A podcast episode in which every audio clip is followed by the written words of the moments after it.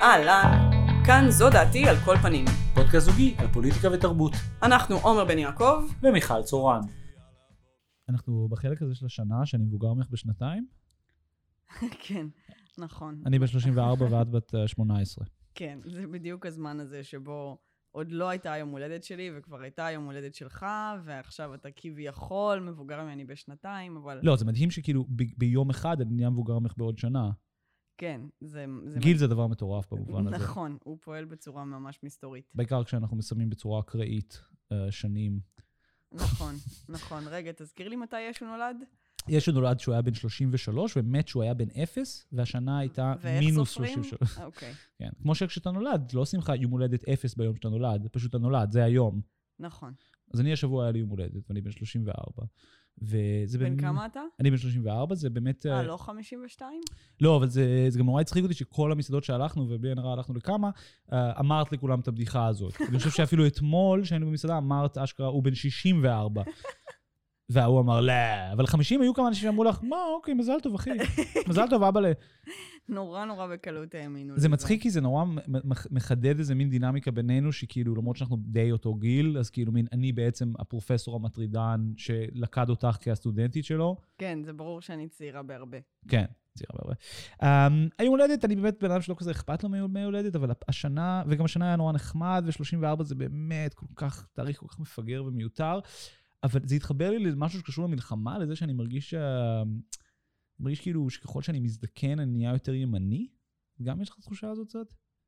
אני לא חושבת שאני אה, נהייתי יותר ימנית, אבל אני חושבת שמה שקורה זה שהמציאות ממשיכה לזוז לכל מיני Mm. כיוונים, והעמדות הכלליות ממשיכות לזוז, ואתה מגיל מסוים, אתה מתחיל להיעמד במקום. כמו בהרבה דברים, כמו שאתה כבר, אתה יודע, עוד נגיד חמש שנים לא בטוח שנצליח to adapt לאפליקציות חדשות. זאת אומרת, כן. אתה רץ, רץ, רץ עם, ה, עם הדברים, ועם ההתקדמות שלהם, ומתישהו אתה נעצר. כן. והדברים ממשיכים לזוז, זה לא שאתה נהיה משהו, אתה דווקא זה שעוצר, המציאות היא זאת שממשיכה לזוז, וככה אנשים הופכים להיות שמרנים, כי בעצם, זאת אומרת, אתה יודע, כן, בדיוק. לא- כשאנחנו, כן, כש, כן. כש, כשההורים שלנו היו צעירים, אז שלום עכשיו הייתה האופציה החתרנית.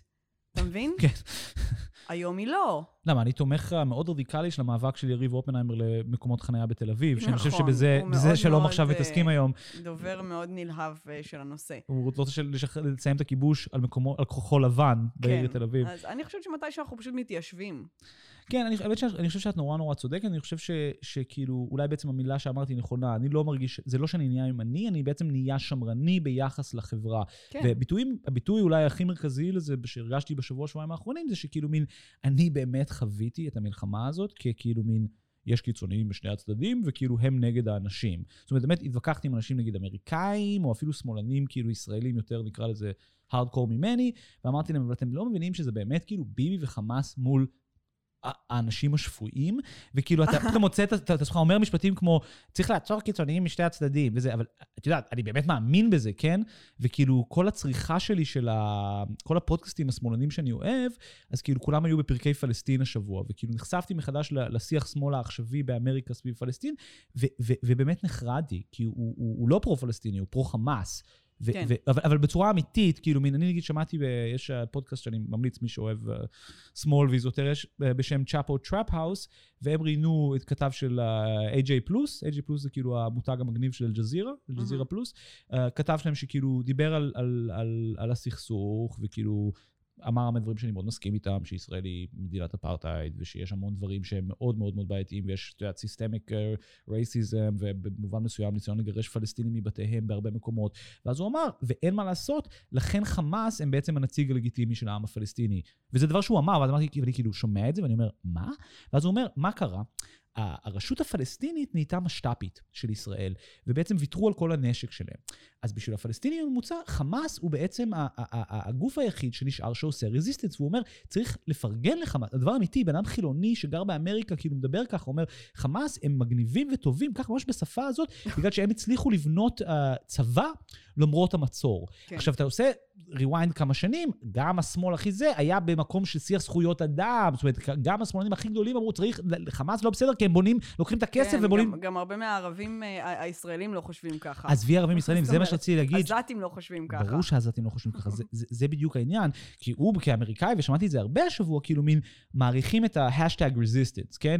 והם resistance. אבל זה, זה בורות היסטורית ברמה שהיא היא, היא, היא, היא באמת מסוכנת, כי הם פרו-חמאס, והם לא מבינים, בגלל שהם לא מבינים שום דבר בפוליטיקה פלסטינית, שהמשמעות של להיות פרו-חמאס זה בעצם להיות אנטי-פתח, כן. שזה עוד בסדר, כי אתה אומר פתח זה מפלגה, אבל מה שהם מפספסים זה שחמאס אינם... הם לא הנציגים של העם הפלסטיני. לשם הדיון, החמאס מהמקבילה של האצ"ל והלח"י. כן. הם ארגון pre-state, militia, והרשות הפלסטינית היא, הרש... היא, היא, היא הצבא הרשמי של העם הפלסטיני, ובזה הם בעצם חותרים תחת הלאומיות הפלסטינית. זאת אומרת, הם בעצם אומרים, אה, הם, כאילו אם זה אלט- אלט- אלט- אלטלנה, מה שקרה בארץ, הם תומכים באלטלנה. זאת אומרת, הם, הם לא תומכים בבן גוריון ובצה"ל. הם אומרים, לא, לא, לא, צריך שיהיה הרבה paramilitary services. אנחנו לא רוצים באמת שתהיה ישות מדינית פלסטינית, לכן אנחנו תומכים בארגון טרור. אבל אני חייבת לומר שאני אכן חושבת שיש קיצוניים משני הצדדים, והשבוע דווקא יותר, אה, זאת אומרת, אם שבוע שעבר יותר הייתי ערה לקיצוניות של הצד שאתה הצגת עכשיו, אז השבוע יותר הייתי אה, אה, אה, באלרט לצד השני. אה, אני רוצה לספר לך שנטלי דדון באמת אה, אה, יצאה מכלל שליטה. זה האם ה... עם מה? עם ה... תדבר, עם מה? לא, את את צוחקת עליה, ניסיתי להרים לך את זה שתצחקי לה על הציצים הגדולים. אה, כי היא דדונית? כן. אני חשבתי שאת תרים את זה, כי זה לא בדיחה שאני יכול להגיד. כאילו, לא, את יכולה להגיד את כן, זה. דדונית התבלינים. אה, כן, זה די מדהים. שקראו לה נטלי דדון. ותגידי, את שונאת נשים? כמעט כמו הד מיינר, שיש לו הד גדול. בקטע של אקו? כאילו- בקטע שלי יש לו פשוט ראש נורא גדול. אה, לא, מדהים אנשים שכאילו נתנו להם שמות שמתארים אותם. לא, אבל נטלי דדון, שהיא דוגמנית וכל מיני דברים לא ברורים, אני חושב שהיא שרת החוץ של מדינת ישראל, לא? היא שרת החוץ, כן, לאחרונה היא מונתה, והיא כבר התחילה, זאת אומרת, היא נכנסה לאיזה סחרור, אתה רואה שם גם בן אדם ש... אתה יודע, שירד מהפסים, האינסטגרם באמת... אה, זה זה גובל בפרי בריטני כבר. כן, כאילו, היא מתקשרת עם לא אמוג'יז. וסימני ישן. לא, לא, כן, צריך להציל אותה. היא ממש מעלה כאילו מלא לייבים ו- ופוסטים כל דקה, זאת אומרת, היא לקחה נורא אישי את משפחת חדיד, כן. והיא היא קוראת להם משפחת פדיח, וואו. שזה לא, זאת אומרת, יכולת יותר טוב, נטלי דדון. אה, אבל, אה, והיא היא, היא פרסמה, זה כבר כאילו, זאת אומרת, האנשים האלה שבאמת חושבים כנראה שהם... אה, אה, לוקחים נורא קשה את, ה, את ה, מה שקראת war infographics וחושבים כן. שהם מגינים על המדינה שלהם, הם גם חולי נפש. זאת אומרת, היא העלתה פוסט ש, ש, שהיא כתבה שאתה אה, אתה יודע, שאנטי ציונות שווה אנטישמיות. אנטישמיות, זה הדיון שקורה ברשת היום. חבר'ה, בואו ניקח צעד אחורה. עכשיו, אה, אה, אתה יודע, אה, גם עכשיו אה, הורידו את התמונות של בלה חדיד, כן, כן. אחות של ג'י ג'י, מהסניף של פקטורי 54 בכיכר כן. המדינה, כי היא אה, אה, עשתה איזה קמפיין למייקל קורס שהיה תלוי שם, אתה יודע, בתמונות ענק שלה. הורידו את זה, שזה גם פסיכוזה.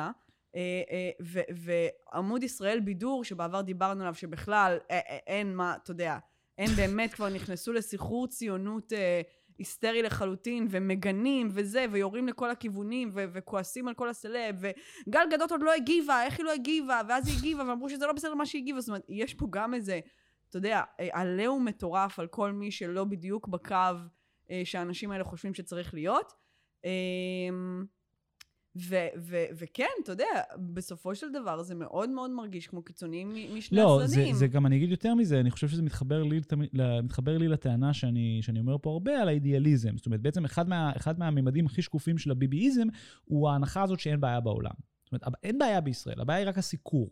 זה כן. נכ- נכון לגבי ישראל, הבעיה, אין, אין לישראל בעיה. זאת אומרת, אין בעיה של כיבוש. יש בעיה עם זה שהניו יורק טיימס חושב שיש כיבוש. כן, אין בעיה עם ביבי, יש בעיה עם זה שוויינט, הארץ וזה לא מפרגנים לביבי. נכון. ואנחנו לא רואים, או קשה לנו לראות, איך הפרקטיקה הזאת בעצם חדרה across the board, כן? זאת אומרת, כולם, שתי הצדדים, או כל הצדדים, אני לא חושב שיש שתי הצדדים, אבל כל הצדדים משתמשים בזה עכשיו. ובעצם כולם מדברים, עושים את אותו דבר לגבי הסכסוך הזה. ולכן בישראל זה מופיע ש- שעמוד כמו אה, ביד, ישראל בידור, שהוא בגדול...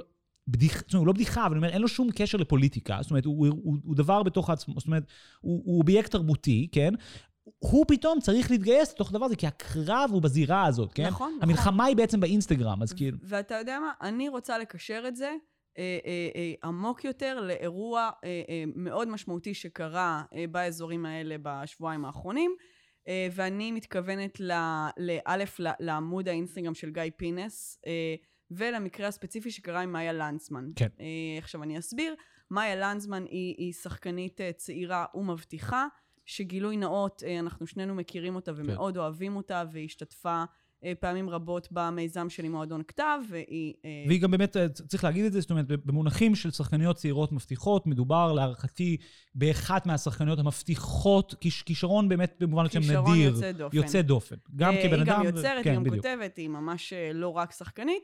ולאחרונה היא התפרסמה בעקבות אה, התפקיד שלה כספירה הסמלת בסדרה של אה, אה, תאגיד השידור המפקדת.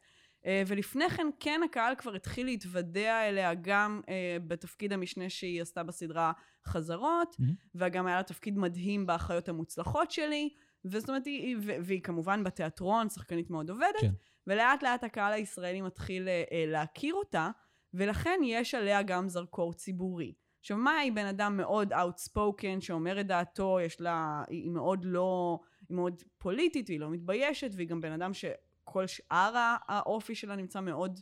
מוחצן, היא בן אדם מאוד מוחצן, כן. וכן. ומה שקרה לאחרונה זה שהיא בעצם החליפה אה, אה, למסגרת, אפילו לא תמונה או משהו, מסגרת ששמים כזה על תמונת הפרופיל, כן. שכתוב בה שהיא תומכת בשייח' ג'ראח. זה היה תחילת הסיפור, וכמובן, מה שנקרא, כל הטרולים באו, והתחילו לכתוב לה תגובות נאצה, אה, אה, וממש אה, אה, קמו עליה להורגה. ופינס עשו על זה אייטם? כאילו ככה? לא, אוקיי. לא. אה, ואז היא באמת, אה, היא, היא, היא סגרה את הפייסבוק, ו, וזה באמת היה מאוד לא נעים. השלב הבא של זה, זאת אומרת, זה עוד אתה אומר, אוקיי, מדינת ישראל, כן. ככה הדברים מתנהלים, אוקיי. מה שבעייתי בדבר הזה, זה השלב שבו גופי התקשורת נכנסים לחגיגה. כי מה שקרה, זה שגיא פינס, אה, אה, אה, בעצם לקחו סרטון, הפרופיל אינסטגרם של מאיה הוא, אה, הוא פרופיל פרטי. כן. אה, מישהו הדליף להם, כנראה, לא הדליף להם, הם טוענים שזה רץ בכל מיני קבוצות וואטסאפ. מישהו הדליף סרטון שהוא ב close friend של מאיה, על הסט של הסדרה המפקדת, כאשר היא לבושה במדים כשחקנית, וכביכול מאוננת עם הרובה שלה, ועושה דברים כאילו מצחיקים, ובסרטון אחר היא אומרת, "אה, מדינת ישראל על הזין שלי. אוקיי? סרטונים ששוב פורסמו ל close friends בסטורי של האינסטגרם, הודלפו לקבוצות וואטסאפ, לא. ופורסמו על ידי גוף, ה- ה- ה- ה- ה- פשוט הזבל הצהוב של גיא פינס, שלרוב אני מאוד אוהבת וכמובן עוקבת באדיקות שלא תבינו אותי לא נכון, אבל זה פשוט נמוך בטירוף. עכשיו, יכול להיות שזה קשור רק לשאלה טכנית. יכול להיות שבעצם יש פה, בנוסף לכל הדיון שאנחנו הולכים עכשיו לנהל, בעצם כן קרב תקשורת בין ישראל בידור לערב טוב, ואני שואל ברצינות. זאת אומרת, יכול להיות שישראל בידור, לא, לא, זה לא בדיחה. יכול להיות שישראל בידור הכניסה את ה... כמו שבאתר סדרות. באתר סדרות כבר שבועיים יש פוסטר, יש מודעה שאומרת, מי שרוצה לבוא לפרק ערבים, דברו איתי, אחי, אני. מארגן קבוצות. זה נורא. עכשיו, יכול להיות שהישראל בידור הזה, בגלל שהוא מיישר קו עם בעצם הפשיזם התרבותי של, של החברה, ואומר, אה, וצריך לעזור, והסברה והסברה. ופינס, שהוא הוא כבר מבין שהוא בחיסרון, הוא עוד בטלוויזיה, הוא לא באינסטגרם עד הסוף, כן, הוא כאילו עוד מדיה ישנה אל מול המדיה החדשה הזאת של ישראל בידור. יש בעצם מרוץ חימוש של מין מקארתיזם תרבותי חברתי כזה. זה ניתוח מעניין, מעניין, לא חשבתי על זה, מה גם שזה עניין חדש, זאת אומרת, פעם באמת המדיה הייתה מקושרת אוטומטית לשמאל. נכון. וגם הדבר הזה, פתאום אנחנו רואים שהוא משתנה, ובאמת עמודים כמו ישראל בידור, וכל מיני מין פן בייסס אחרים כאלה, של כל מיני ילדים שמקימים עמודי מעריצי הרשמי הרשמי האמיתי המקורי, 111 סימן קריאה, אז באמת מכניסים את הדבר הזה לשיח, ופתאום התקשורת והעולם הבידור כבר לא מזוהה באופן ישיר עם השמאל, וברור שהוא מחזיק בעמדות, אה, בוא נגיד שמאל מרכז כאלה. עכשיו אני רוצה לספר מה קרה אחרי זה.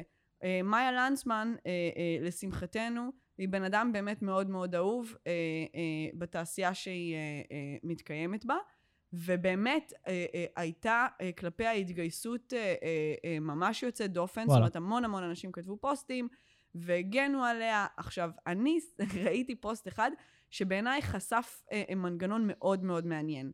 אה, מי שכתבה את הפוסט הזה היא עוד שחקנית מצוינת בשם טסה שילוני, מהמם. שהיא גם חברה של מאיה, והיא כן. שיחקה איתה ב- באחיות המוצלחות, אה, שם היא, יש לה תפקיד ראשי.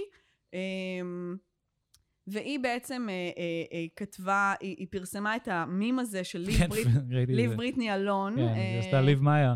והיא כתבה Leave Maya Alone, אוקיי? מאוד מצחיק, וכתבה בפוסט, אה, אה, פינס, אה, אתם צריכים להתבייש. וגם עשתה להם בלוק. אני זוכר, ראיתי את הסטורי הזה של טס. עכשיו, מה שמדהים זה שגיא פינס, הפרופיל גיא פינס, אני מאמינה שזה הפרופיל האישי של גיא פינס, אגב, או של הגיב- הפינס שלו. או של הפינס שלו, כן. הגיב לפוסט, ואני רוצה להקריא בטח. את התגובה, בשמחה. שהיא לא פחות ממדהימה בעיניי. בואו נראה. אם כבר עשית פוסט משעשע עם פרצוף מטופש, בסוגריים, בכיכובך, במסווה של דאגה למאיה לנדסמן, והטפת לי להתבייש, אז ככה. אמש העלינו לאינסטגרם שלנו סרטון שהחל להישלח מוואטסאפ לוואטסאפ, שבו לנצמן עושה בתמימות משהו שלא עובר יפה בימים כאלה ובכלל. זה אחרי ששינתה פרופיל לשייח' ג'ראח בשבוע שעבר. בהתאמה ביקשנו ופרסמנו את תגובתה. מחקנו את הרעל העיקרי שנכתב בתגובות, ואחרי שעה גם הסרנו את הסרטון לבקשת משפחתה ומשיקולים אנושיים, וגם פנינו לעוקבים להימנע מהשיח הזה, ובעד הזכות להשמיע דעות שונות משלך. אז ברור שאנחנו הבעיה, נכון? בסוף גם את, כמקובל, נגד התקשורת. סימדת, סימן שלמדת משהו מנבחרינו. וואו. וואו. וואו, עכשיו- אני לא שומע, אני- זה- האמת שזה מרתיח אותי. עכשיו תקשיב, שנייה, תכף, לפני שתגיב, אני רוצה לה-. להגיד כמה דברים. דבר ראשון, דבר ראשון, והרבה מגיבים כתבו את זה, בתור אבא של תרבות הפופ בישראל, פינס אמור גם להכיר את המים של בר... ליב בריטני אלון, וגם לזהות שבתמונה אין את טס. זאת אומרת, חטאת פעמיים, יא דביל. א', לא הכרת ליב בריטני אלון, מה קורה איתך? ב', גם אם לא הכרת, אתה לא רואה שזה לא טס, אתה אמור להכיר את כל האנשים בתעשייה הזאת, יא מטומטם. אז הוא כאילו האשים אותה כאילו היא שמה תמונה של עצמה, זה די מצחיק. זה האמת, האמת שלא חשבתי שזה קורה. מה שמופרך זה שהטענה שלו, הטענה הפותחת היא outrageous, הוא אומר, זה אופנסיבי וזה היה סודי. וזה רץ בפורומים שלא שנייה. היה אפשר לאמת את זה, ולכן החלטנו לפרסם את זה בשביל לוודא שזה יפגע באנשים, כאילו. ואז מחקנו תגובות והוצאנו את הרעל, וואלה. וואלה. אם היית כל כך רגיש לרעל, אולי לא היית מפרסם את זה. אבל שנייה, דבר שני, צריך לחשוב על זה רגע. הצילומים הם מהסט של המפקדת. האם הסדרה הצטלמה אתמול ואז יצאה לטלוויזיה? לא, נכון? הצ... הסדרה הצטלמה לפני תשעה חודשים, כן. אוקיי? אז, אז, אז להגיד, זה כאילו, להגיד, אה, אה, אה, אתה יודע, היא עושה דבר כזה בימים כאלה. סליחה, זה לא בימים כאלה. אוקיי, את גאונה. הדבר הזה קרה לפני תשעה חודשים, אה, וזה לא מפריע לו, כאילו, גם לפרסם לא, אותו מה קרה- בימים כאלה, אבל מה קרה בימים... וגם להגיד, זה לא רגיש לא, אבל מצידה. את עכשיו עלית על משהו גאוני, כי מה קרה בימים האלה? הרי חדשות, אתה צריך להגיד שזה קרה. הוא בחוויה שלו זה קרה עכשיו, אבל הוא אומר בעצמו מה בעצם קרה. זה רץ בקבוצות וואטסאפ. עכשיו, אני עיתונאי, אני לא מכיר, נגיד, סטטוס כזה, שאתה אומר, "אה, ישראל פלשה לעזה, כך נודע להארץ, לפי דברים שרצים בקבוצות וואטסאפ. זאת אומרת, כן. זה שמשהו מופיע בוואטסאפ שלי, הוא לא אירוע זה לא חדשותי. מקור. לא, זה גם לא, זה לא אינדיקטיבי, כמו שאת אומרת, ל- ל- ל- ל- לזה שקרה הדבר. זאת אומרת, כמו שאת אומרת, הצילומים האלה, מה היה עם בן אדם מצחיק, ועשתה שטויות עם הרובה בסט לפני תשעה חודשים, ועכשיו זה רץ בוואטסאפ. עכשיו, פינס, בגלל שהוא באמת לא עיתונאי, אלא באמת, לא יודע, הדבר הזה, אז זה רץ בוואטסאפ. אין להם ברירה להגיב, כי זה יהיה כמו, כמו לא לדווח. ואתה אומר, על מה אתם fucking מדברים? קיבלת סרטון, שאתה לא יכול, דרך אגב, לאשר את ה... את ה, את ה את, אתה לא יכול לאמת שהוא אמיתי, כי זה מה-close friends, אתה לא ראית את זה, לא עמדת בקריטריון הבסיסי של עיתונאות, שזה לאשר את הפרט, אתה לא יודע ממתי זה, יכול להיות שזה סרט גמר שצולם לפני 15 שנה, אתה באמת. לא יכול לדעת. יכול להיות שזה חלק מסצנה, אין לך הקשר. אין לך שום הצדקה, בדיוק, אין לך שום הצדקה לפרסם את זה, כי כפי שאתה אומר בעצמך, זאת אומרת, אתה אומר, זה, זה לא, זאת אומרת, זה לא בהכרח קרה עכשיו, וזה רק קרה בוואטסאפים, ו- וזה גם פוגעני. אתה מפרסם את זה בגלל שאתה יודע שזה פוגעני, ואז עוד כאילו אומר, אתם מסיתים נגד התקשורת. לא, את, זה, זה, זה פשוט outrageous. עכשיו, מה, הדבר השלישי בעיניי, שהוא הכי חשוב, זה המשפט הזה באמת, בסוף גם את, כמקובל, נגד התקשורת. זה שימוש כל כך, כל כך, כל כך ציני בטענה הזאת. זאת אומרת, הוא באמת עושה מהלך קלאסי של פופוליזם מתקרבן, כן. מה שנקרא כמקובל, כמו שהוא אמר, ונראה שדווקא הוא זה שלמד מנבחרינו.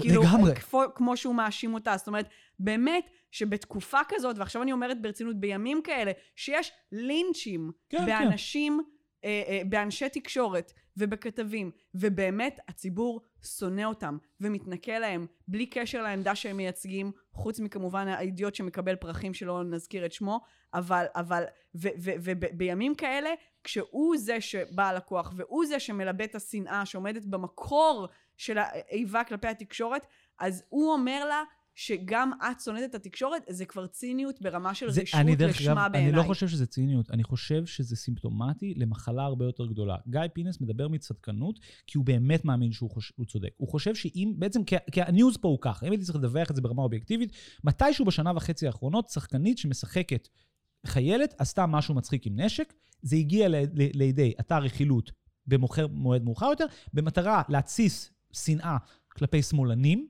האתר פרסם את זה, ואז נבהל מזה שהוא התסיס נגדה. זאת אומרת, זה literally מה שקרה שם. עכשיו, למה פינס צריך לעשות את זה? כי הוא פועל בשדה תרבותי, חברתי, פוליטי, שבו צייד מכשפות זה ערך. אז בהקשר הזה, גיא פינס, מה שהוא עושה, זה שהוא בעצם מתחבר לתרבות הרבה יותר רחבה שאין לה קשר לשמאל או לימין, והוא פשוט רדיפה. רוצים לרדוף שמאלנים. אחד מהתחביבים של עם ישראל בזמן המלחמות זה לרדוף שמאלנים. לי יש שאלה, שהיא בעיניי השאלה הכי מעניינת לגבי מאיה לנצמן. מה הבעיה עם זה שהיא תהיה שמאלנית? מה הבעיה עם זה שהיא תהיה אפילו פרו-פלסטינית? איזה סכנה, איזה מחיר יש לזה שהיא שחקנית שמשחקת, כן? כותבים לה את הטקסטים, כן? זה לא שהיא כאילו, היא לא, היא לא אפילו לא, לא תגידי, היא לא סטנדאפיסטית, זאת אומרת, אפילו אין לה במה במובן ה... זאת אומרת, אין לה במה במובן הקלאסי של הזה. היא לא משתמשת בבמה שלה, זה לא כמו, היא לא בפאנלים, היא לא בדברים כאלה, היא שחקנית, כן? נכון, מה... אפילו הסטורי שלה סגור. הסטור... בדיוק. איזה משמעות יש לזה, חוץ מזה שהיא מחזיקה בעמדות האלה? אין לזה שום משמעות. אין שום בעיה ששחקנים יחזיקו במלא עמדות. זאת אומרת, מה, מה זה משנה? אני, ברמה אמיתית אני שואל, לא ברמה של אני רוצה לחיות בעולם שלכל אחד יש את הדעות שלו. אני לא יודעת. ואם היית כהניסטית בלב... קשה לי להסביר לך, כי לי באמת באופן אישי לא מפריע שאנשים מחזיקים להם בדעות אחרות שמאוד מאוד שונות לא, אבל זה אותו דבר כמו אריאל זילבר, כן? אריאל זילבר בעיניי הוא באמת אחד מהמוזיקאים הגאוניים שבאמת ever חיו פה, כן?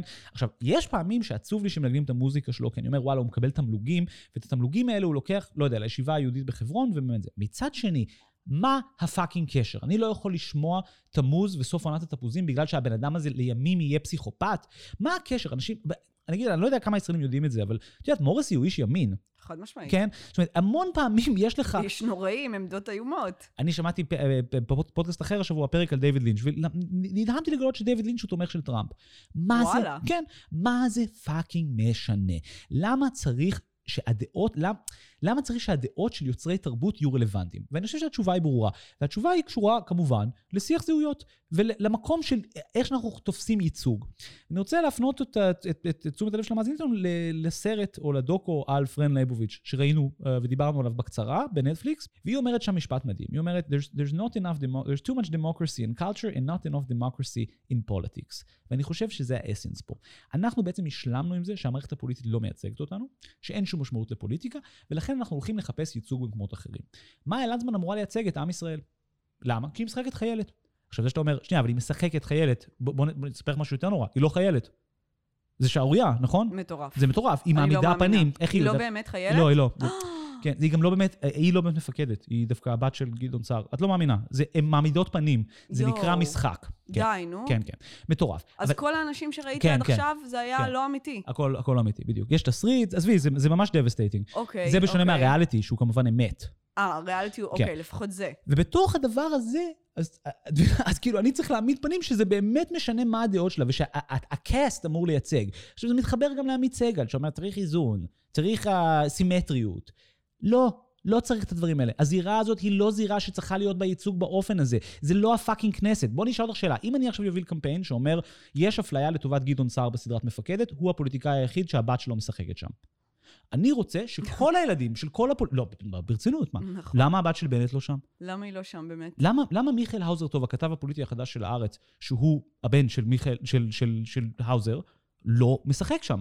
זה ממש בעיה. אני חושב שצריך לוודא שיהיה נציג של כל מפלגה בתוך כל סדרה. נכון, גם אין שם טרנסית, כאילו, מה קורה עם זה? Jesus fuck. אין שם טרנסית, חברים, אנחנו לא, כאילו... אז אני חושב אי ש- אפשר להמשיך לסדר כן, היום. ואני חושב שזה זה, זה פשוט חדירה של הפוליטי למקומות לא רלוונטיים, ואין לי בעיה נגיד לעשות פוליטיזציה לדברים. ואני חושב שמה שמעניין זה שזה חדירה של הפוליטי למקומות שבאמת לא צריכים להיות פוליטיים, בעודנו משחררים את הפוליטיקה מהייצוג. זאת אומרת, אין בעיה שיש מערכת פוליטית fucked up ברמה שאין שום ייצוג לאף אחד, וכולם מתוסכלים, ואף פו- אף פוליטיקאי לא עומד במילה שלו באיזו רמה אפילו טריוויאלית בסיסית, ואנחנו חיים בעולם שבו באמת עלול להיות שותפות בין סמוטריץ' למנסור עבאס, כן? זאת אומרת, זה לא וולגרי, זה לא בעייתי. מה בעייתי זה שיש מישהי שמעמידה פנים שהיא חיילת בתמורה לתשלום, ולא מעמידה פנים שהיא גם מסכימה עם מה שאנחנו חושבים שלחיילת אמור להיות הדעות. תגידו, מה, מזדיין לכם הפאקינג מוח?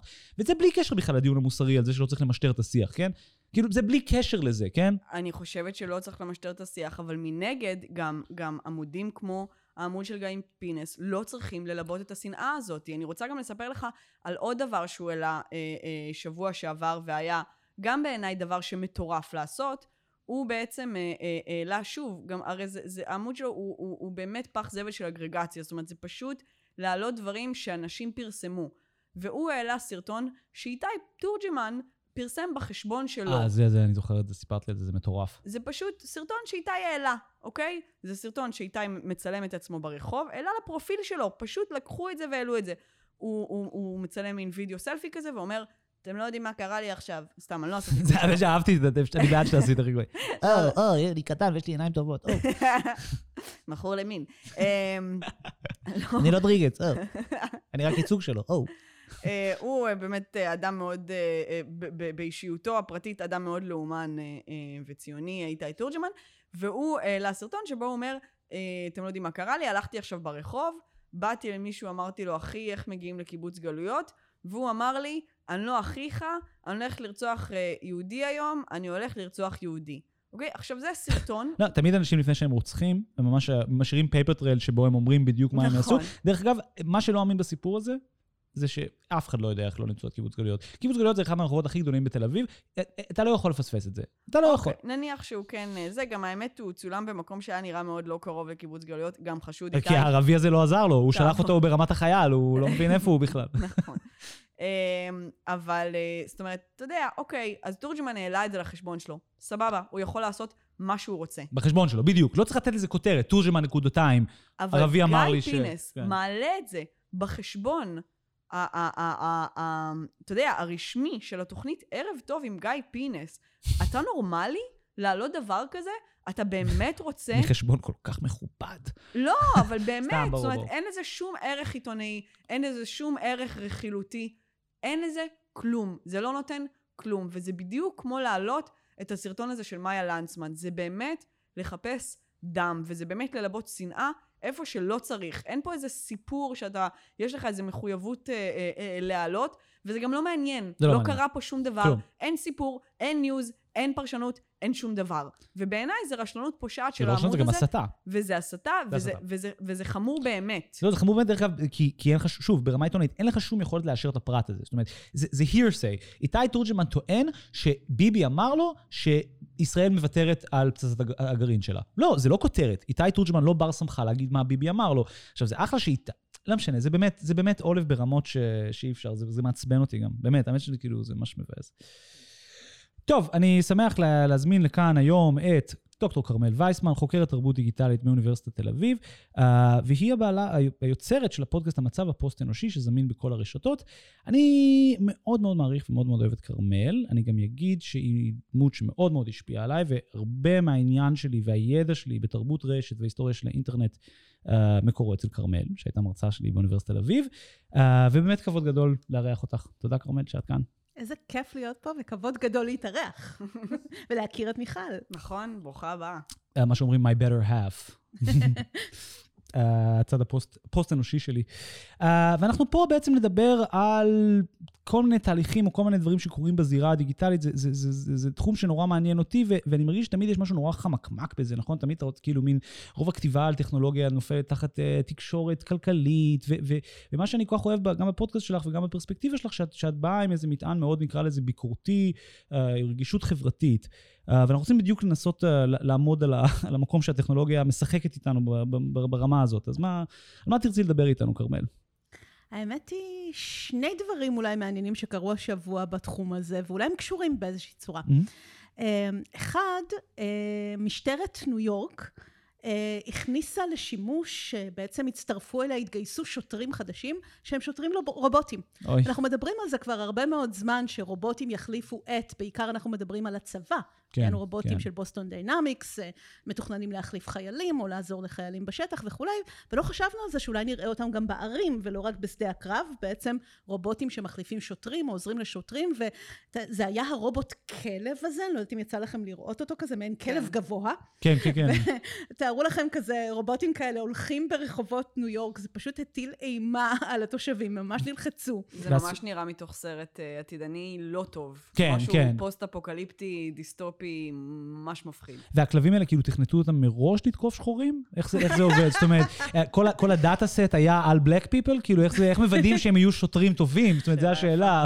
נראה לי שאפילו לא היה להם big deal תפקיד, אולי אפילו רק הרתעה או עזרה, אתם יודעים, זה סוג של כלבי משא בכלל, הם לא... וואלה. הם לא אמורים, אין להם באמת עוד את הבינה הזאת של... אה, אבל זה בגלל המדע הבדיוני, פשוט אנשים נבהלו כל כך, Mm. שתוך שבוע פשוט עצרו את הדבר הזה, החזירו אותם, ויתרו עליהם, כן? אה, אז אפילו לא היה לזה, זאת אומרת, הם אפילו לא הספיקו כבר לעשות משהו לא בסדר. זאת אומרת, זה נטו המטען ה... וואלה. בול, אני נחשפתי לזה פעם ראשונה בכתבה שאמרה, הכניסו וביטלו.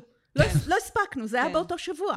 שזה כן? מעניין, כי ברור שמה שהם כן ניסו לעשות שם, זה להפוך אותם ללייקable. זאת אומרת, בכלל לקרוא לזה כלב, קלירלי זה לא כלב, זאת אומרת, זה, זה פשוט רובוט על ארבע רגליים. יכול, זה, קראו לזה, ש- אהבתי גם מאוד את השם, קוראים לזה אה, דיג'י דוג, דיג'ידול. שזה מרגיש לי מאותם אנשים שהביאו לנו את דיגיטל. כן, כן. שזה מדהים שיש כאילו, עדיין האנשים ב- ב- בעולמות הקופי חושבים שדיגי וטק זה מילים עדכניות. חברים, זה, זה ישן, כאילו, אנחנו לא במילים האלה, כן, זה מילים כן. של כזה באג אלפיים. לא, אבל נראה לי ש-murderous murderous cyborg canine היה פחות לא, קליט. בסדר. אז קראו להם דיג'ידוג, אבל אני חושבת שבאמת הבחירה לקרוא להם אה, כלבים ולתאר אותם ככאלה, היא באמת הניסיון של האנשים האלה שברור היה להם שזה יהיה מאיים, לחבב, לגרום להם להתחבב על הקהל, כי באותה מידה יכלו לזה לקרוא, לקרוא לזה אה, digitable. כן, כאילו כן. זה יצור על ארבע רגליים, זאת אומרת כן, זה כן. לא באמת כלב כן. בשום צורה, ו, אה, ו, ו, וזה מעניין שזה גם, הניסיון הוא ברור והוא לא עבד, כי הם באמת, ראיתי סרטון שלהם רצים, זה לא חמוד, זה ממש מפחיד, וזה נורא מעניין לחשוב על מה אנשים מקבלים, כי הרי אנחנו מוקפים ברובוטים.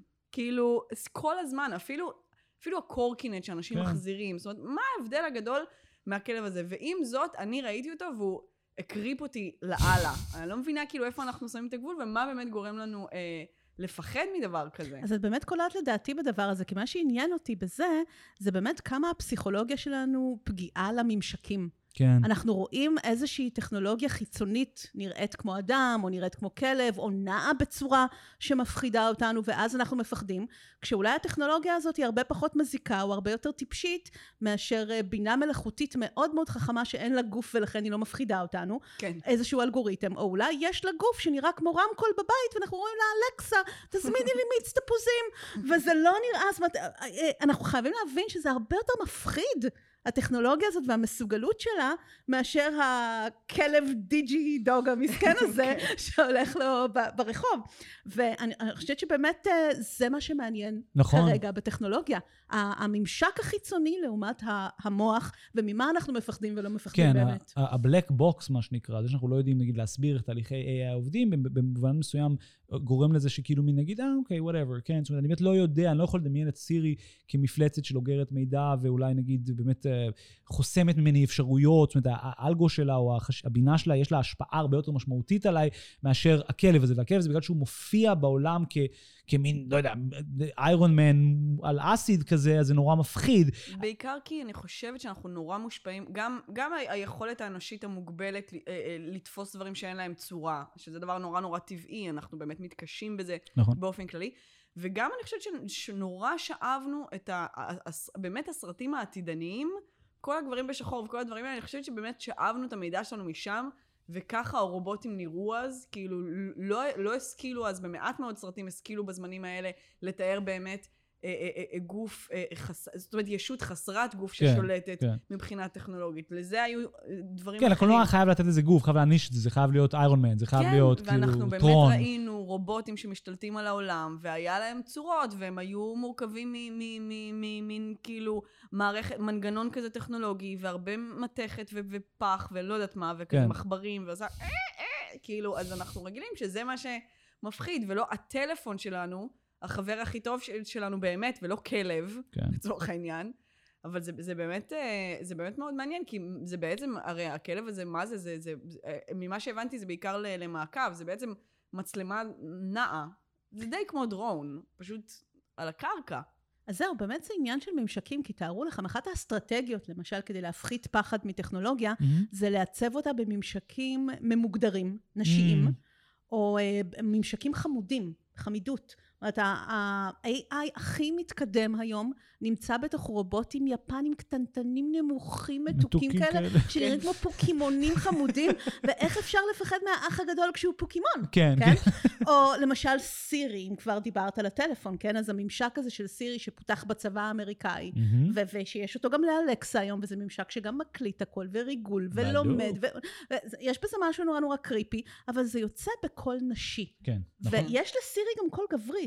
אבל וואלה. באמת, אה, היו כל מיני מחקרים על זה, שרוב האנשים לא אף מפעילים אחד לא רוצה לשמוע את זה. בדיוק, כי זה מזכיר לכם. שהטכנולוגיה מאיימת, לעומת זאת קול נשי זה כזה סקרלט ג'והנסון ב Her, כן, כן. אולי סירי תתחתני איתי, וזה זה מה ש...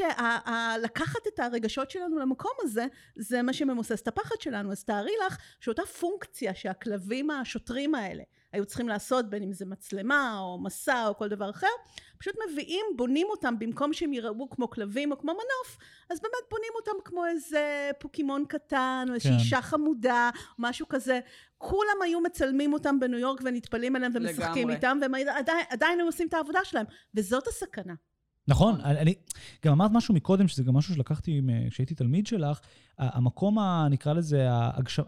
הדימוי שמגשים את עצמו בטכנולוגיה. זאת אומרת, הסרטים האלה מצד אחד טוענים אותנו וטוענים דורות צעירים של אנשים שיהפכו להיות טכנולוגיסטים בדימוי, שאומר, אנחנו צריכים לייצר רובוטים, שבני אדם יכולים לדבר איתם, אבל זה גם יוצר את הצורך, כי בעצם מה שדיברנו על זה היום, על הכלבים האלה, זה שבעצם אף אחד לא ביקש אותם, אף אחד לא צריך אותם, ואין מה לעשות איתם, אבל הם באים רע. זאת אומרת, בעצם ההנחה פה היא שצריך לייצר רובוטים והם צריכים to walk amongst us. זאת אומרת, אף אחד לא יודע מה הם עושים. זאת אומרת, לא ברור איזה ערך יש לזה, כמו שאמרת, זה כלב מסע, זה כלב מעקב, זה לא שנגיד, יש איזה צורך, נגיד, אה, נגיד, אני אומר, ישראל נלחמת בעזה, צריך להיכנס למקומות שקשה, נשלח רוב... לא, לא, לא, זה ניו יורק, הם הולכים באפר ווסט סייד, וכאילו סתם, כן, ליד הרובוט drone, ליד ה delivery drone של אמזון, כן?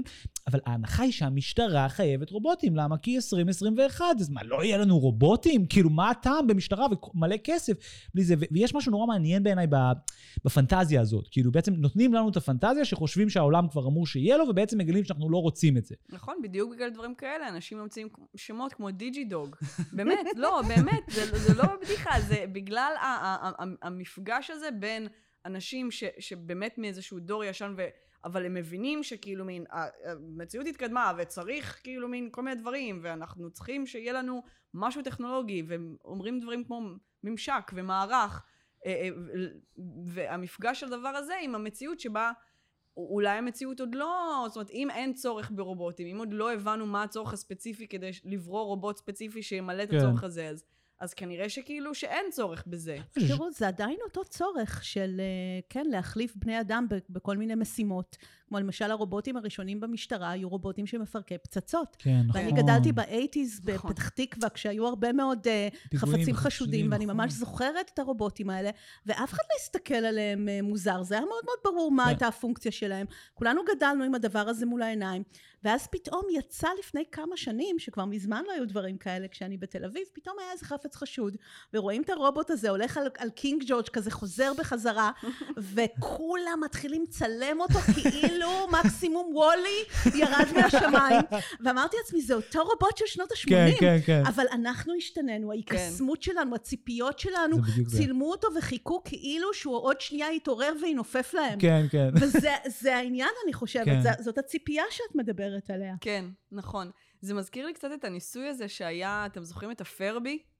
אה, זה היה, זה היה מעין רובוט, זאת אומרת, זה היה מעין אה, רובוט בובה ל, לילדים. כן, אה, היה לו איזה חיישן כזה, הוא היה אומר שתיים, שלוש דברים, נכון? זה בעצם היה כאילו, זה באמת היה רובוט בובה, כלומר, רובוט שהמטרה שלו זה לגרום לך to care for him. feed me, כן, love me. כן. כן, אה. אה, והוא היה כזה פרוורטי, ואני נורא רציתי, ואימא שלי לא קנתה לי, אה, וזה לא קשור לנושא, אבל היה, עשו ניסוי עם פרבי, כן. שהכניסו אנשים, אתה זוכר, אתה מכיר את זה? כן, שהם צריכים להחזיק את הפרבי הפוך, לא, נכון? שהכניסו אנשים לחדר והפכו את הפרבי. עכשיו, כשהפרבי היה הפוך, הוא היה משמיע איזשהו צליל כזה לא נעים, קצת כמו בכי של תינוק.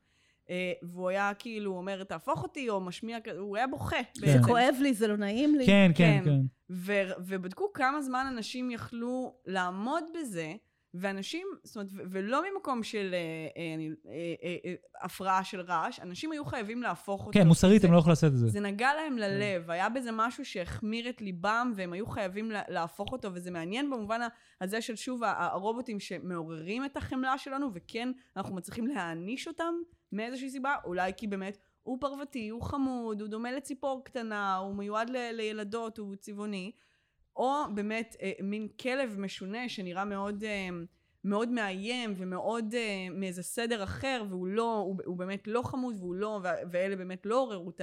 כן. החמלה של אנשים. למרות שאני חייבת להגיד שכל פעם שאני רואה אה, קורקינט שמישהו אה, שם בפח והוא מצפצף, אני, אני מרגישה כאילו זה אפר בי, שכואב לי, אני ממש מרחמת עליה, אני תמיד אומרת לך, ואתה אומר לי, מה יש לך? אני מרחם מסכן, הוא בתוך הפח, מישהו יתעלל בו.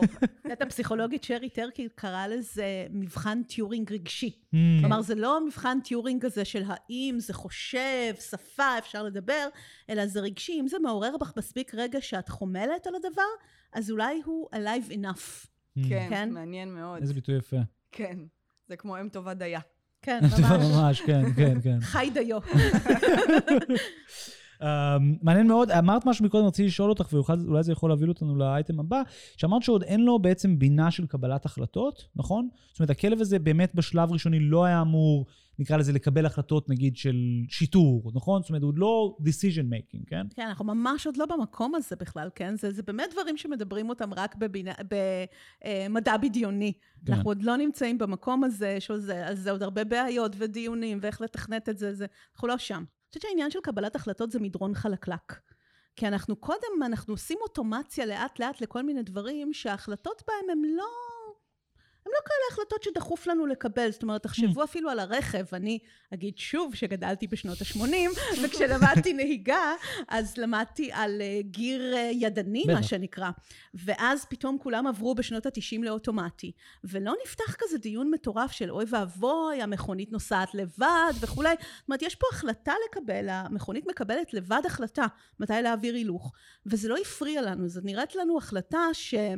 היא אולי החלטה קטנה, או טווח הבחירה בה מאוד מאוד נמוך, או שההשלכות שלהם לא מאוד גדולות, וממילא אנחנו עושים את זה פחות או יותר באותו זמן. אז זה משהו שנורא נורא נוח לעשות לאוטומציה, ואף אחד לא מדבר על זה. מעניין, אבל. ברגע שאנחנו עושים את השלב הבא הקטן, שאולי גם ההגה יסתובב לבד, אולי גם הבלם יחליט מתי לבלום, פתאום מדובר פה בהחלטות שאנחנו חושבים עליהן כטווח בחירה הרבה יותר רחב, שיש לו השלכות אולי מוסריות, שזה כן. לא החלטה אוטומטית ופשוטה, שהיא לוקחת את האג'נסי של הנהג, שאומר, רגע, בא לי, בא לי לפנות ימינה. כן. זאת אומרת, לא החלטה כזאת כן. צריך לקבל.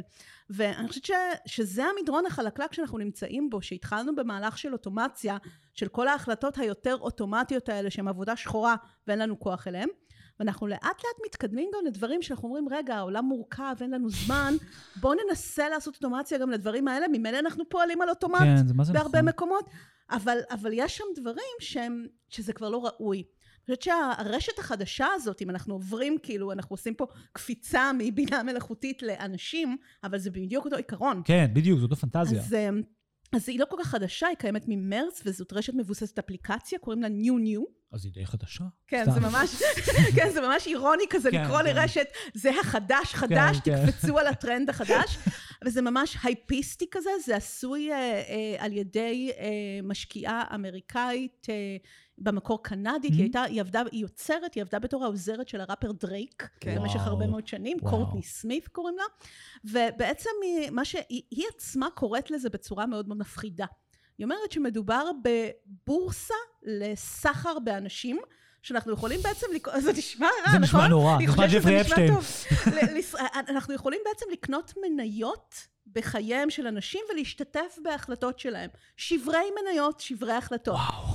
עכשיו הרעיון זה, זה כאילו היא אומרת בהתחלה שזה נועד ליוצרים. שיוצרים למשל, כולנו יוצרים כן, היום, הלו, כן, כן. כן, אז תארו לעצמכם. אתם כפודקסטרים, כן, יכולים בעצם אה, לפתוח את, אה, להיכנס לרשת הזאת ולפתוח את ההחלטות הקטנות בחייכם לכל מיני אנשים שרוצים להשתתף בהם, והם משלמים אגב. אז תחשבו שזה תחליף לפטריון או משהו כזה, בעצם המעריצים שלכם והאנשים שרוצים לקבל החלטות, יכולים, אתם יכולים לפתוח, לעשות מוניטיזציה לכל החלטה בחייכם. על מה נדבר בפודקאסט, את מי נארח, האם אני אריב עם עומר עכשיו, כן או לא. וגם איזה חולצה אני אלבש הבוקר ומה אני אוכל. זאת אומרת, הם לגמרי. לא מגבילים אותם לתחום היצירה שלהם בלבד. בדיוק, מוניטיזציה של הכל, והאלור פה זה שכאילו, אם זה יוצרים, ויוצרים מוכרים אולי בהתחלה, אז אנשים ישלמו חמישה דולר, עשרים דולר, כן, כל מיני דברים כאלה, כדי לקבל החלטה שהם יוכלו להגיד, וואי, האמן הזה השתמש בוורוד במקום בכחול בגלל שאני אמרתי לו, Mm. והוא אכל היום קוריאני ולא סיני בגלל שאני בחרתי לו. או מה שנקרא בישראלית, אני המצאתי אותו. אבל אתם מבינים מה, מה זה לא, פותח? זה זאת אומרת, מדהים. אנחנו, אנחנו בהתחלה מדברים כזה על יוצרים וקהל וזה, אבל זה פותח באמת אפשרות לכל ילד קטן לעשות מוניטיזציה לחיים שלו, להתייחס אל עצמו כאל מוצר.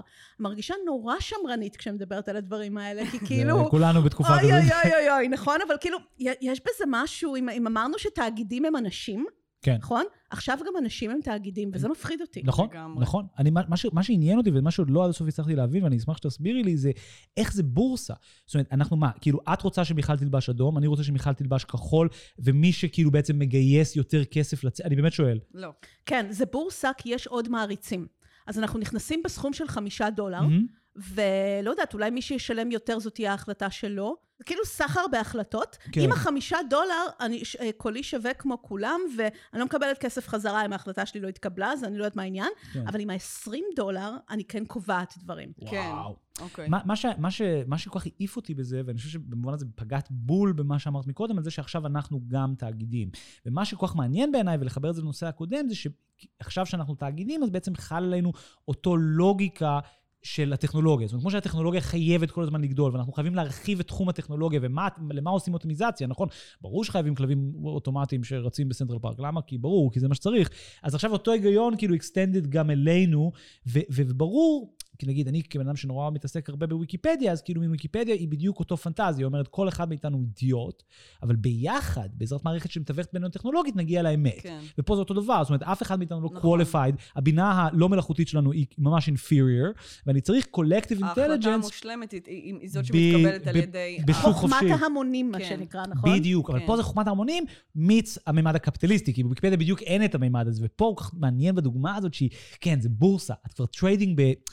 זאת אומרת, זה נורא מעניין, כאילו... ויש פה שאלות נורא מעניינות של בעצם עניין של labor, של מה זאת עבודה. זאת אומרת, כאילו כל דבר שאני עושה, מעניין. בחירת חולצה, כמו שאמרת, מיכל, הופכת להיות monetized labor, מה שנקרא. מישהו יכול באמת uh, לשלם לי על זה ולהשתתף בזה, בעצם זה שאני בכלל פתחתי את התחום הזה בחיי ל- למסחור. כן, אני חושבת שיש בזה משהו ממש ממש מטורף, ואני חושבת שילדים שגדלים בצורה כזאת, והיום זה בעיקר שוק של... כן, עכשיו זה יוצרים, אבל ייכנסו לזה בדיוק אותם ילדים וגיימרים שיושבים בדיסקורד בדיוק. היום ומקבלים טיפים על כל דבר שהם עושים. ויתפתו באמת למסחר את הדברים הקטנים שלהם. מה שקורה כתוצאה מזה, איך אני מחברת את זה לקבלת החלטות? ובעצם אנחנו מלמדים אותנו מילדות לא לקבל החלטות על עצמנו. כן. ושההחלטה שלנו לא שווה. אני חושבת שזה מה שמגדיר אותנו כבני אדם, ה-agency הזה, ה-will. הדבר הזה, ה-free will. אני מקבלת החלטה על עצמי ואני נושאת באחריות. ואם אנשים אחרים, אם אני חייתי כמו איזה פאפט, שאנשים אחרים מפעילים אותי, אז כן, אוקיי, הרווחתי כסף, אבל האם אפשר לדבר פה על העצמה? מי מנוצל? האם אני ניצלתי או אני מנוצלת? אני כן. אפילו לא יודעת לקבוע את זה. אני חושב שמה שמעניין זה שכאילו מין הרשתות שעשו לכולנו הומוגניזציה, כאילו כולנו אותו דבר בפייסבוק, לפחות שימרו את האשליה הזאת. ההבדל ביני לבינך בפייסבוק זה בדיוק הקאבר פוטו שלנו, נכון? זה בדיוק התמונה שלנו, זה, זה התוכן שאנחנו יוצקים לתוך השטאנץ הזה, כן? ופה באמת את אומרת משהו נורא נכון, זאת אומרת, באמת אנחנו כבר באיזה שחיקה של עצם הסוכנות של, ה, של האדם, זה באמת מוטרף. ומעבר לזה, אני חושבת שלצד זה שבאמת מייצרים את המקום הזה שחוסר חוסר יכולת לקבל החלטות, זה קורה על רקע בעצם אינפלציה מטורפת של החלטות שהטכנולוגיה יצרה. זאת אומרת, אם פעם היינו אה, אה, אה, קונים דיסק. בטאוור רקורד, ואז זה מה שהיינו שומעים חודש, ואחרי זה את הדיסק הבא. אז עכשיו יש לי את כל המוזיקה בכף ידי, והיא זמינה לי, ויש לי את כל הסרטים במחשב שלי, והכל זמין לי, ואני כל הזמן נדרשת בעצם לקבל החלטות, ואני חושבת שזה גם שוחק את הדבר הזה, ובעצם מייצר את הרצון לברוח לאפליקציות כאלה. זאת אומרת, אנחנו כל כך נשחקנו. אני שמה רדיו בבית, כי אני לא מסוגלת יותר לבחור מוזיקה ולהתמודד עם השאלה של איך אני מרגישה עכשיו, ומה בא לי לשמוע, ומה יתאים בדיוק. אני לא רוצה את ה... את העול הזה, ואני חושבת שאנשים באופן כללי מתמודדים עם הדבר הזה כל הזמן, זאת אומרת, ההחלטות, זאת אומרת, ההחלטות נהיו הרבה הרבה הרבה יותר דחופות בגלל שהשפע הוא כל כך גדול, והטכנולוגיה מאוד קידמה את השפע הזה, אז זה, זאת אומרת, דוחף בעצם את האנשים לזרועות דברים כאלה של כזה, אני לא רוצה בכלל לקבל החלטות, שמישהו אחר יחליט, ואז גם ההפיכה לתאגיד, זאת אומרת, הדברים האלה קורים אה, אה, אה, במקביל אחד לשני, וגם אני מזהה פה איזשהו משהו ש... זאת אומרת, התרבות אה, של ההערצה נגיד, לדמויות, אז, אז, אה, אז אני חושבת שכאילו היו תקופות שזה היה יותר אה, מבוסס על... אתה פשוט צורך את התכנים של הבן אדם, ואתה, ואתה שומע מה הוא אומר, ואתה מרגיש איזה קשר אליו מתוקף פשוט זה שהוא, מה שנקרא, מדבר אליך. לא באופן ממש אמיתי, אבל, אבל מה שהוא אומר resonates with you באיזשהו מובן. ו, ו, ובגלל הרשתות החברתיות והקשר הישיר שאנשים התרגלו אליו עם אנשים, אז יש את הדבר הזה של מה שנקרא, בכל ה-buzzwords האלה, בעצם engagement. כן. זאת אומרת, אנחנו עכשיו כבר כדי שאנחנו נוכל אה, אה, לאהוב מישהו ולהריץ אותו וזה, אנחנו כבר צריכים להיות מעורבים. זאת אומרת, כן. הרף עלה כבר. זה כמו זה שכאילו, הרי מעריצים היום מתעצבנים, יכול, אני יכולה לשמוע ילדים אומרים, היא uh, מגעילה, היא לא עונה לאף אחד. זאת אומרת, ממתי הדרישה שהבן אדם יענה? הוא, הוא, הדרישה ממנו עד לא מזמן היה פשוט לייצר תוכן טוב, כן. ו- ו- ו- ולהיות בן אדם, כן. ועכשיו יש איזה, אנחנו, זה כבר לא מספיק, לא מספיק שמישהו מייצר תוכן טוב. הוא כבר צריך לתת לנו דין וחשבון בדמות קשר אישי, או שבאמת להרגיש, אנחנו צריכים להרגיש שאנחנו משפיעים על החיים שלנו, שאנחנו מעורבים איכשהו. אה, וזה גם עניין שיש כן, פה כן. משהו... את אומרת פה משהו מדהים, האמת, שני דברים, כן? שהם שונים, אבל, אבל הם חלק מהמגמה הזאת. אחד, בעצם we came full cycle באיזושהי צורה, מרוב שהרחיבו לנו את התפריט של הבחירות. והבחירות הפכו לדבר כל כך מעיק, את אומרת לי, אני הולכת לשמוע רדיו, כן? כבר אנחנו חוזרים לפעם, ללוח המשדרים, כן. ואני חושבת שהאלגוריתמים מנצלים את זה בפלטפורמות, כי הם אומרים, וואי, יש לנו... נטפליקס אה, יודע ש... שאת, שאת בסוף תעשי ערב טריילרים, ולא תראי שום דבר, כי את פשוט לא, לא מסוגלת. כאילו. אז הוא ממליץ לך, הוא מביא לך, הוא עושה לך את לוח המשדרים. כן. ואת לא צריכה, יש לך את כל הבחירה, תרגישי שאת בוחרת, אבל את לא באמת צריכה לבחור, האלגוריתם יבחר בשבילך כדי שזה לא יעיק עלייך. אז זה, זה דבר אחד שאמרת. הדבר השני על ה engagement, אני חושבת שהוא מגיע מהמקום הזה שבו אנחנו חברה כל כך אינדיבידואליסטית, בצורה כל כך קיצונית, שאין לנו שום סבלנות לאחר אם הוא לא הופך להיות חלק מהאני. Mm. ודרך ה engagement הזה אני הופכת אותו לחלק מהאני, כן, ואם כן. אני מעורבת, I have stakes, אני השקעתי בבן אדם הזה, אז אכפת לי, אבל לא אכפת לי מאף אחד שהוא לא חלק מהאני. כן, כן. זה ממש נכון. ו... אני גם, אני גם חושב שמה ש, מה שאת אמרת, כרמל, אה, לגבי ה-web work, או זה שכולנו בעצם נהיים עובדים, או ה, כאילו בהתחלה זה כאילו היוצרים, אבל שזה יידרדר מאוד לכל אחד, הוא גם בעצם המשך של אותו מגמה, כי אנחנו בעצם... כולנו כבר עובדים בשביל הרשתות האלה במין, מצד אחד קבלת החלטות, נכון? למי אני עושה לייק, למי אני עושה חבר, למה אני מגיב, ומצד שני גם נקרא לזה קורבן של החלטות, נכון? מטרגטים אותי ל-X, מטרגטים אותי ל-Y, וכל ה-engagement הזה, כל, ה, נקרא לזה, כל המודל הכלכלי של הרשתות בנוי בדיוק מה-give and take הזה. זאת אומרת, אני מייצר מידע, ואז את המידע הזה מוכרים לי בחזרה דברים, או לאנשים אחרים, זה לא משנה, אבל כאילו, במובן הזה, העניין של, של החלטות הוא באמת מאוד מאוד קשה, כי נגיד בספוטיפיי, כמה שהוא משתק, כרמל צודקת, גם אין בחירה, כן? זאת אומרת, אני, הפלייליסט הבלעדי לי, שאני משתף אותו עם חברים שלי, אומרים לי, וואו, זה בדיוק מה שאני קיבלתי, כאילו, כן. כמו, כמו הבדיחה שלי על זה שכל תל אביב באותו שנייה גילתה את אנדרסון פארק לפני שנה וחצי. כאילו, זו תופעה מדהימה, זאת אומרת, כולנו התחלנו לשמוע ג'סטין ביבר, כאילו זה מגניב, באותו רגע. כן. עכשיו, זה לא קרה באמת בגלל shift תרבותי, זה הספוטיפיי fucking shoved it up our nose, כן? ואמר, עכשיו זה מגניב, עכשיו זה זה. ואתה רואה את הדברים האלה וזה מדהים, ואז אתה שומע את זה שבוע אחרי זה בגלגלצ, ואתה אומר, אני גיליתי את זה. כן. אתה לא גילית את זה, זה כולם תורגטו לזה השבוע, כאילו. אז זה באמת שילוב נורא נורא מעניין של גם המקום של כאילו, הנה, אתה, אתה רואה, אתה רוצה להגיד, אני גיליתי את זה, זה בדיוק המעורבות שלך. כן, זה מה שהיא אומרת, אני חייב שזה יהיה חלק משלי, בדיוק. כן. גם יש פה את העניין של כאילו, יש המון המון, אמ, המון החלטות שצריך לקבל והמון שפע, אז אני הולכת לרשימה שהכינו לי. כן. אני לא אחפש. ואז נותנים לך אשליה כאילו שאתה בוחר בסופו של דבר מכל הדבר הזה, כשאתה בעצם לא בוחר. זאת אומרת, נכון. יש פה נכון. גם עניין של לייצר איזשהו מצג שווא, שאנחנו בוחרים כשאנחנו בעצם ממש לא בוחרים. זאת אומרת, משאירים לנו את הפירורים הקטנים של לייצר לנו את המחשבה שהאנשים הקטנים שולטים בחיים שלהם, כשהמציאות היא שאנחנו ממש ממש לא. מצד שני זה פיצוח ענק של המין האנושי, כי זה מה שאנחנו רוצים, אנחנו רוצים תמיד דברים סותרים. אנחנו mm. רוצים להרגיש שאנחנו מקבלים החלטות עבורנו וכולי, אבל גם רוצים שמישהו ייקח מאיתנו את העול הזה ויבחר כן. בשבילנו את הדבר הטוב ביותר. כן. אני חושבת שהאלגוריתמים והעולם הזה ממש פיצח את המקום הזה, שנתנו נכון. לי להרגיש שאני בוחרת, וואו. אבל גם תנו לי, אבל שאני בוחרת את הדבר הטוב ביותר בשבילי, מדעי, אה, אופטימי, optimized כן. וכולי. אז אה, האמת היא, זה באמת התחיל באיזושהי נקודה אחרי מלחמת העולם השנייה. שחשבנו שאולי אנחנו עושים טעות ואנחנו yeah. הולכים לקראת הרס, ואולי אם אנחנו נמשיך עם החוסר רציונליות שלנו והאימפולסיביות האנושית, אז אנחנו נהרוס אחד את השני, ואולי צריך באמת לעשות איזשהו outsourcing לרציונל, ליצור איזשהו רציונל חיצוני שהוא רציונלי בלבד, ויקבל החלטות אך ורק על בסיס רציונלי, וככה נולדה המקום הזה של לסמוך על מתמטיקה ולייצר אלגוריתמים, זה מגיע משם. נכון. כן? עכשיו אולי אנחנו יודעים יותר טוב ש... קבלת החלטות אמיתית כן מערבת גם רגש, וזה בחיים אנושיים חשוב שיהיו גם דברים לא רציונליים, אי אפשר לחיות כמו רובוטים, אבל אולי זה קצת too late. נכון, ואני חושב כן. שגם הפנטזיה הזאת היא מאוד, uh, היא מניעה אותנו כל הזמן קדימה. אנחנו במובן מסוים, מה שאמרת מקודם הוא נורא נכון, אנחנו פוחדים לקבל החלטות, אנחנו רוצים שיקחו את זה מאיתנו, ו- ו- והטכנולוגיה מייצרת איזושהי אשליה של כאילו מין... כאילו, אם הייתי עושה סקר, אני מניח שאנשים יחשבו שהכלב הזה בפוטנציאל שלו יקבל החלטות יותר טוב מנגיד השוטר, כן? זאת אומרת, זו מכירה מאוד קלה לעשות. אתה אומר, אוקיי, כן. נלמד אותו איך זה, אבל מצד שני, הבדיחה הזאת שלי היא גם נכונה, כן? זאת אומרת, תלוי על איזה data set, עשו לו training. כאילו, אם הוא, אם הוא ילמד מכל ה cases של המשטרה עד כה, אז זה יהיה Black Lives Matter גרסת cyborgs, כן? כאילו... אבל אנחנו באמת רואים את הלוגיקה הזאת זולגת מחוץ למקומות של הטכנולוגיה, כמו אה, שהרשת הזאת היא דוגמה של לשלוט באנשים, אבל אפילו תוכנית ריאליטי כמו חתונה ממבט ראשון.